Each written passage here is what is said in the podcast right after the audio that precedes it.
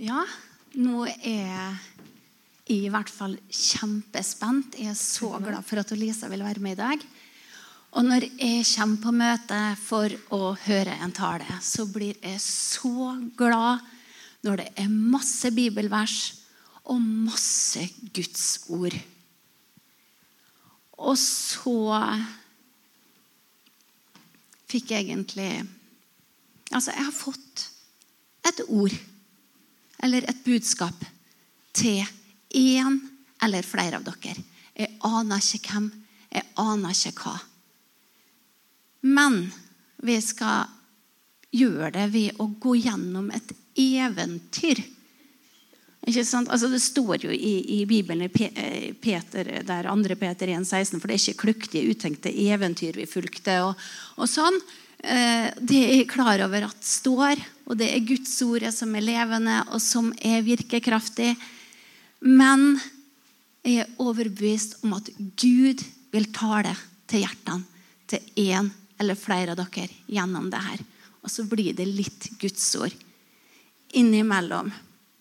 Jeg mener Hadde det vært min tanke og idé, så kunne jeg bare godt tatt og lest gjennom hele Efeserbrevet eller Galaterbrevet. Det hadde vært en fantastisk preken, tenker jeg. Men eh, nå har jeg jo fått med meg lesehjelp her i dag òg. Så da begynner vi, og så får vi litt hjelp på skjerm av en eh, Kjetil. Da skal vi lese eventyret. Det er faktisk, det er ikke sikkert dere kjenner det helt igjen. Det er fra tre ulike versjoner som er blanda litt sammen. Men alt er fra ekte Rødnette ulven-eventyr. Da, da begynner jeg. Det var en gang en liten pike som bodde i en liten hytte i utkanten av en stor skog. Den lille piken hadde alltid på seg en liten hette av rød fløyel som hun hadde fått av bestemoren. Og derfor kalte alle henne Rødhette. En dag sa moren til Rødhette. Bestemor er blitt syk, Rødhette. Du får ta deg en tur til bestemors hus med kaker og brus, som jeg har lagt i stand. Bestemor trenger noe å styrke seg på. Se her, ta kurven, og gå nå pent og rolig og husk at du må følge stien. Moren var redd for at Rødhette skulle gå seg bort i skogen og ikke finne veien tilbake. Rødhette tok på seg den røde hetten sin og lovte at hun skulle gå like til bestemor. Så tok hun kurven på armen og vandret av sted. Rødhette trallet og sang. Jeg skal til bestemors hus med kaker og brus bestemor bodde inne i skogen. Johannes 14, 14,6. Jesus sier til han, 'Jeg er veien, sannheten og livet.' Ingen kommer til Faderen uten ved meg. Så Jesus er ikke bare et mål for oss, men han er òg veien som vi går på. Og da hun var kommet et stykke inn i skogen, møtte hun en ulv. Rødhette visste ikke at ulven var noe farlig. God dag, Rødhette, sa ulven. God dag, sa Rødhette. Hvor skal du så tidlig på morgenen, Rødhette? Jeg skal til bestemor, som er syk, med kaker og brus. Hun kan trenge noe å styrke seg på. Hvor bor bestemor, da? Du vet hvor det store eiketreet står, et stykke lengre inn i skogen? Der ligger huset til bestemor, sa Rødhette. Jeg syns du skulle ta deg en bukett med blomster til henne, sa ulven. Ser du hvordan sola skinner og blomstene lyser borti skogen? sa ulven. Nå begynte Rødhette å se seg rundt. Hun så sommersola som danset mellom trærne, og alle de vakre blomstene som vokste tett i tett der inne. Jeg vil plukke en bukett med bl ja. Jeg vil plukke en bukett med blomster til bestemor. Så blir hun nok glad, tenkte Rødhette for seg selv. Men ulven tok den snareste veien til bestemors hus og sto snart ved døra og banket på. Hvem er det? ropte bestemor fra senga. Det er Rødhette som kommer til deg med kaker og brus, sa ulven og gjorde stemmen sin så fin. Kom inn, kjære deg, sa bestemoren. Døra var ikke låst. Ulven trykte på dørklinka, og døra gikk opp. Med et eneste sprang for ulven på bestemor og slukte henne hel. Så tok han på seg nattlua hennes og la seg i senga hennes for å vente på Rødhette. Imens gikk lille Rødhette inne i skogen og plukket blomster. Da hun hadde plukket en pen bukett, husket hun at hun hadde lovt å følge stien på vei til bestemor. Og I Jesaja 30, 21 så står det Når du viker av til høyre eller venstre, skal dine ører høre et ord lyde bak deg. Dette er veien. Gå på den. Det var nå ikke noe galt det å plukke blomster inne i skogen der. Det var jo ikke det. Det var jo en kjempefin ting. Det var et kjempebra forslag å ha med blomster til bestemor. Det er jo kjempeflott. Men så var det det at eh, det var ikke det hun skulle gjøre akkurat nå. Hun ble distrahert. Hun ble opptatt med noe annet enn det hun skulle. Og ulven, han hadde onde planer som han satte i gang og utførte, mens hun var opptatt med noe annet enn det hun skulle. Og, og tida vår, den er jo livet vårt. Så bruker du tida di, livet ditt, på det du ønsker? Eller er det tid for ei justering? Og husk, det er ingen fordømmelse for den som er i Kristus Jesus. Hun skyndte seg på veien til bestemor, og snart sto også hun ved døra og banket på. Hvem er det? sa ulven fra senga. Det er Rødhette som kommer til deg med kaker og brus, sa Rødhette. Bare kom inn, Rødhette, sa ulven og forsøkte å gjøre stemmen lik bestemors.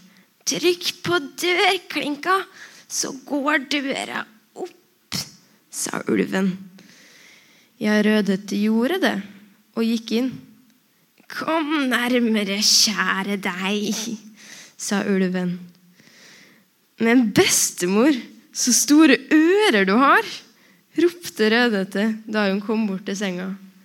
Så jeg kan høre deg bedre, sa ulven. Ja, altså, hun Rødhette merka jo at det var noe som ikke helt stemte her. Det var noe som skurra. Det ligna jo på bestemor, men det var noe som var litt rart. Og vi skal se i Matteus 7,15. Vokt dere for de falske profeter. De kommer til dere i fåreham, men innvendig er de glupende ulver. Altså fåreham, altså Ofte så blir jo mennesker som tror på Jesus, eller alle mennesker egentlig blir beskrevet som sauer. Og sauer er jo får òg. Sånn at eh, han eh, det han snakker om her, er på en måte noen som er kledd ut som en sau, men som ikke er det.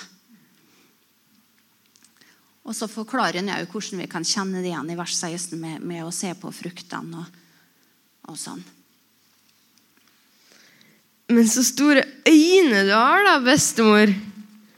Så jeg kan se deg bedre, sa ulven. Men så stor munn du har, da, bestemor. Så jeg kan ete deg bedre, sa ulven og slukte Rødhette også. Og så nå har vi en liten videosnutt, for det er jo flere som eh, liker å spise bestemødre. Altså Ulver er glad i bestemødre. Det har dere kanskje fått med. De er kjempeglade i bestemødre.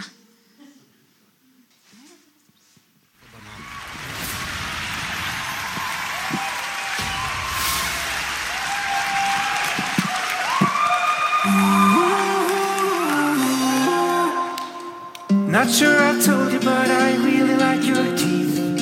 That hairy coat of yours with nothing underneath. Not sure you have a name, so I will call you Keith. See where you're going, but I don't know where you've been. Is it saliva or blood dripping off your chin?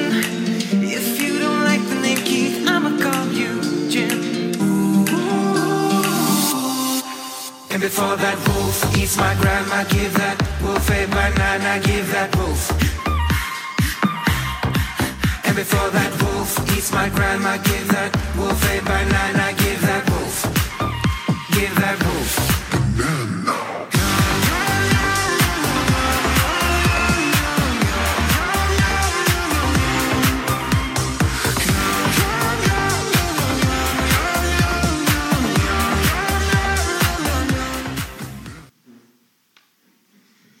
tror dere? Eh, blir ulven fornøyd hvis den får en banan? Vil han droppe å spise bestemor da? Og ute i sangen her så er det jo sånn at eh, ulven han eh, går jo etter den som synger. Og da er det nesten sånn at han vil eh, lede den til bestemora likevel. Ikke sant? Men eh, ja. Er det nok med en banan? Men nå var ulven så mett etter å ha spist bestemor og rødhette at den sovna og snorka så det hørtes langt utafor huset. Tømmerhoggeren kom gående gjennom skogen og hørte snorking. Det var rart, tenkte han. Kanskje det er noe galt med bestemor? Hun kan da ikke snorke så høyt? Han gikk forsiktig nærmere og tittet inn gjennom vinduet. Jaså, er det slik det henger sammen? sa han da han fikk se at ulven lå i bestemors seng. Med ett slag med øksa drepte han den stygge ulven. Så skar han en åpning så Rødhette og bestemor kom ut igjen.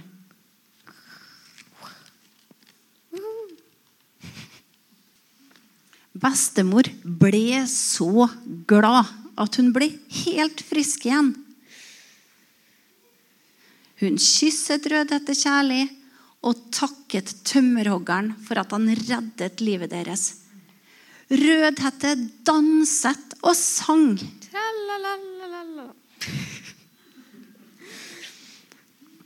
Det var jammen bra det gikk godt til slutt, sa bestemor. Takk skal du ha, modige tømmerhogger som reddet oss. Nå må du spise sammen med oss. Rødhette har mange godsaker i kurven sin. Og etter at de hadde hatt et fint måltid på alle de gode tingene som lille Rødhette hadde i kurven sin, fulgte tømmerhoggeren den lille piken hjem igjen.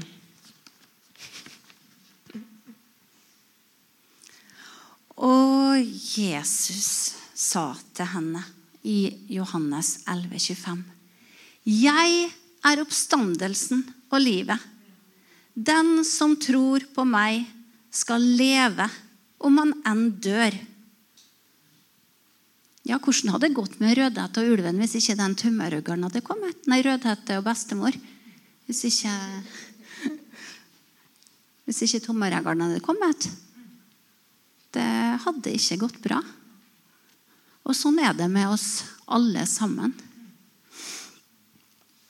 Vi trenger en eh, tommerhugger, en redningsmann. Eh, En kjekk, muskuløs tommermann, sier Lisa her. Og hver den som lever og tror på meg, skal aldri i evighet dø. Tror du dette? Jeg har ikke alltid gjort det. Når jeg var lita, så gikk jeg på søndagsskole og barneforening. Vi sang bordversformaten og ba kveldsbønn. Men ellers så var det ikke noe møte eller noen gudstjenester eller eh, noe sånt. Og var òg, når jeg var lita, på sånn småtrinnet på barneskolen, på, på noen kristne leirer. Og jeg har hørt veldig mange har hatt så mange flotte, positive, gode opplevelser på leir og syns det har vært så kjekt.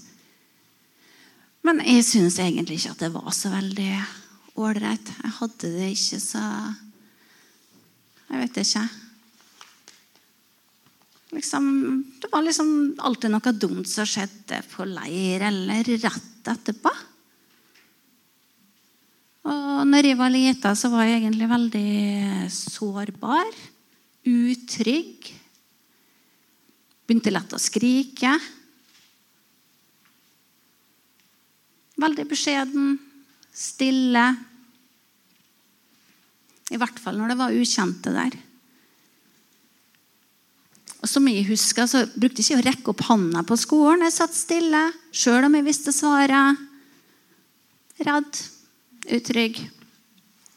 Redd for å si noe feil, redd for at andre skulle flire. Uh, ja. Og så var jeg på en leir når jeg var en sånn åtte-ni år, kanskje. Og da skjedde det noe som jeg syns var bare helt forferdelig. Jeg, jeg følte at jeg hadde svikta vennene, vennene mine skikkelig. Og jeg syntes det var veldig urettferdig at noen andre kunne bestemme og lage noen sånne urettferdige regler. Og da huska jeg på den leiren så var det en av lederne som hadde sagt det. At hvis at du hadde opplevd noe som var dumt eller rart eller bra altså, Vi kunne snakke med Jesus om alt uansett. Han ville alltid være der og høre på. Og han var interessert uansett hva det var for noe. Og, og det er jo sant. Vi kan det. Det er kjempeviktig og kjempebra. Så jeg funnet ut at ja, det skulle jeg gjøre. For det der det plaga meg så gale. Den der, Kanskje en bagatell? En fillesituasjon. Egentlig ingenting å bry seg noe som helst om. Men for meg så var det bare så forferdelig. Så da tok jeg rett og slett og eh, fortalte Jesus om at når jeg skulle holde plass til sa vennene mine, så var det noen som hadde sagt at det ikke var lov å holde plass. Og så tok jeg vekk den. Men så var det de samme som sa at Men så gikk de ut, og så tok de og holdt av plass. For det hadde de jo lov til, siden at eh, de hadde jo vært der først. Og det der skjønte jeg ikke. Jeg syntes det var kjempeurettferdig. Og jeg følte virkelig, altså jeg hadde så dårlig samvittighet i forhold til vennene mine. Og jeg var helt, helt ødelagt. Og det der snakka med Jesus om. Og så når Edda snakka Skal vi se. Nå kan dette være en sånn liten hekk. Skjønner du det? Hekk. Så så, så, da mens jeg da holdt på å snakke med Jesus, så bare ser jeg et hode som stikker opp på andre sida av hekken. Og det var naboen. Og der hadde jeg gått og snakka høyt med Jesus. Og vet du hva? Jeg ble så flau. Og jeg skamma meg sånn. Jeg syntes det var så grusomt at jeg tenkte at det der var jo ikke noe lurt. Det der skal jeg ikke gjøre mer. Hadde det kanskje vært lurt å bare funnet en annen plass og snakke med Jesus, da, men eh, tenkte ikke så langt. følte jeg meg skikkelig dum og skamfull. Så da slutta jeg nesten å snakke med Jesus. Det var en veldig dum avgjørelse. Men det er sånn det var. Altså, eh, ja, når jeg vokste opp litt og ble litt større, så jeg visste jo om Jesus, at det gikk an å snakke med ham. Og jeg trodde nå at Gud fantes. Så hadde jeg noen sånne der, eh, forhandlingsbønner. Du, Jesus, hvis at du hjelper eller gjør slik eller sånn, da vil jeg tro på det. Men eh, det ble jo aldri noe forandring etter det allikevel. Det ble ikke det. Men jeg var jo fortsatt, ble jo større og større. Men var fortsatt usikker, utrygg, dårlig sjølbilde, lav sjøltillit. Så fikk jeg noen kommentarer av og til. Og når du tenker veldig lavt og dårlig om deg sjøl, så tar du på en måte til det som en svamp. Alt som blir sagt, så stemmer med de tankene du har sjøl. Så når noen sa til meg at 'ja, du er så sær', eller 'du flirer så rart', eller 'du er så tynn'. Altså, jeg var virkelig tynn da. altså. Jeg er ikke det nå. Og det er ikke noe kompliment, altså, å få høre at du er tynn. Jeg syns i hvert fall ikke det.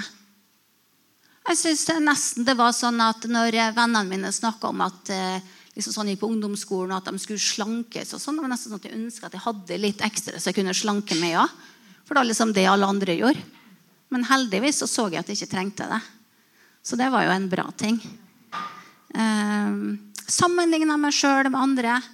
Alle andre var mye flinkere, mye smartere, mer kreativ Flinkere å tegne, flinkere å synge, flinkere med musikk, bedre i sport. Altså You name it. Det var bare en sånn middels ikke, altså sånn, var ganske snill og grei. Ikke noe sånn spesielt slem og, og trasig og, og tulla ut. Var ganske sånn skikkelig. Så litt flink pike, kanskje, men at du nådde ikke opp. Eh, og Så kom jeg på videregående. Og da begynte etter hvert å komme en skikkelig lengsel i hjertet mitt.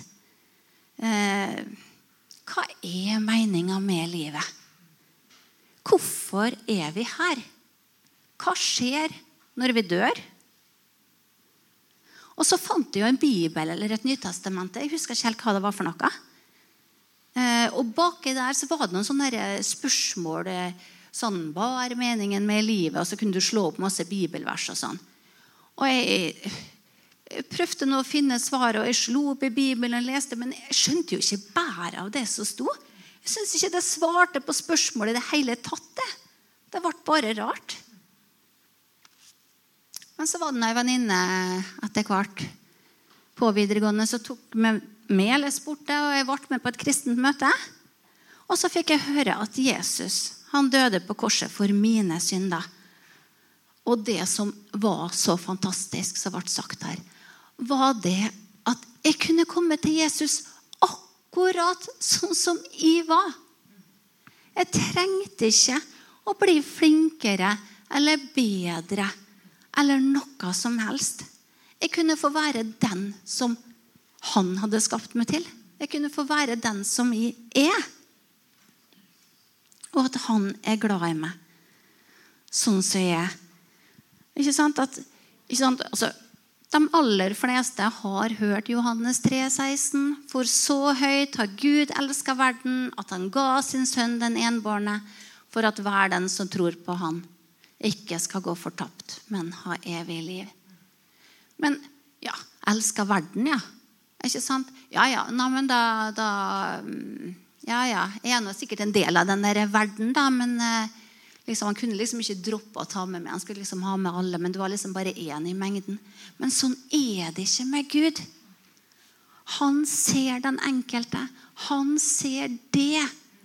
Du er verdifull. Du er elska av Han. For i Han, i Jesus, så har vi forløsninga. Syndenes forlatelse. Er hans nådes rikdom. Og så er det et liv å leve sammen med Jesus på veien. Og jeg var på en teamtur en gang. Eh, og det syns jeg egentlig var kjempeskummelt. Jeg skulle gå ut sånn. Eh, og så fikk jeg et ord fra Gud. Og jeg tenkte jeg må bare dele det i dag, i og med at vi har snakka om ulver. Så måtte jeg bare ha med den der siste der. òg. så vi leser fra Matteus vers 1, vers 7 og 8 og vers 16. Og han kalte til seg sine tolv disipler og ga dem makt over urene ånder, så de kunne drive dem ut, og til å helbrede alle slags sykdommer og plager. Når dere går av sted, så forkynn. Himmelens rike er kommet nær. Helbred syke. Vekk opp døde. Rens spedalske. Driv ut onde ånder. For intet har dere fått det, og for intet skal dere gi det. Og så kommer det verset som jeg da fikk ut på timtur. Se, jeg sender dere som får blant ulver. Altså som sauer blant ulver. Og Det som var så godt, er at det er Jesus som sender oss. Vi er ikke bare noen sånne der forkomne sauer ute blant en eh, blodtørstig ulveflokk. Men vi er sendt av Gud, og han har utrusta oss. Vær da kloke som slanger og enfoldige som du er. Og så Helt til slutt så vil jeg avslutte med et vers som betyr utrolig mye for meg.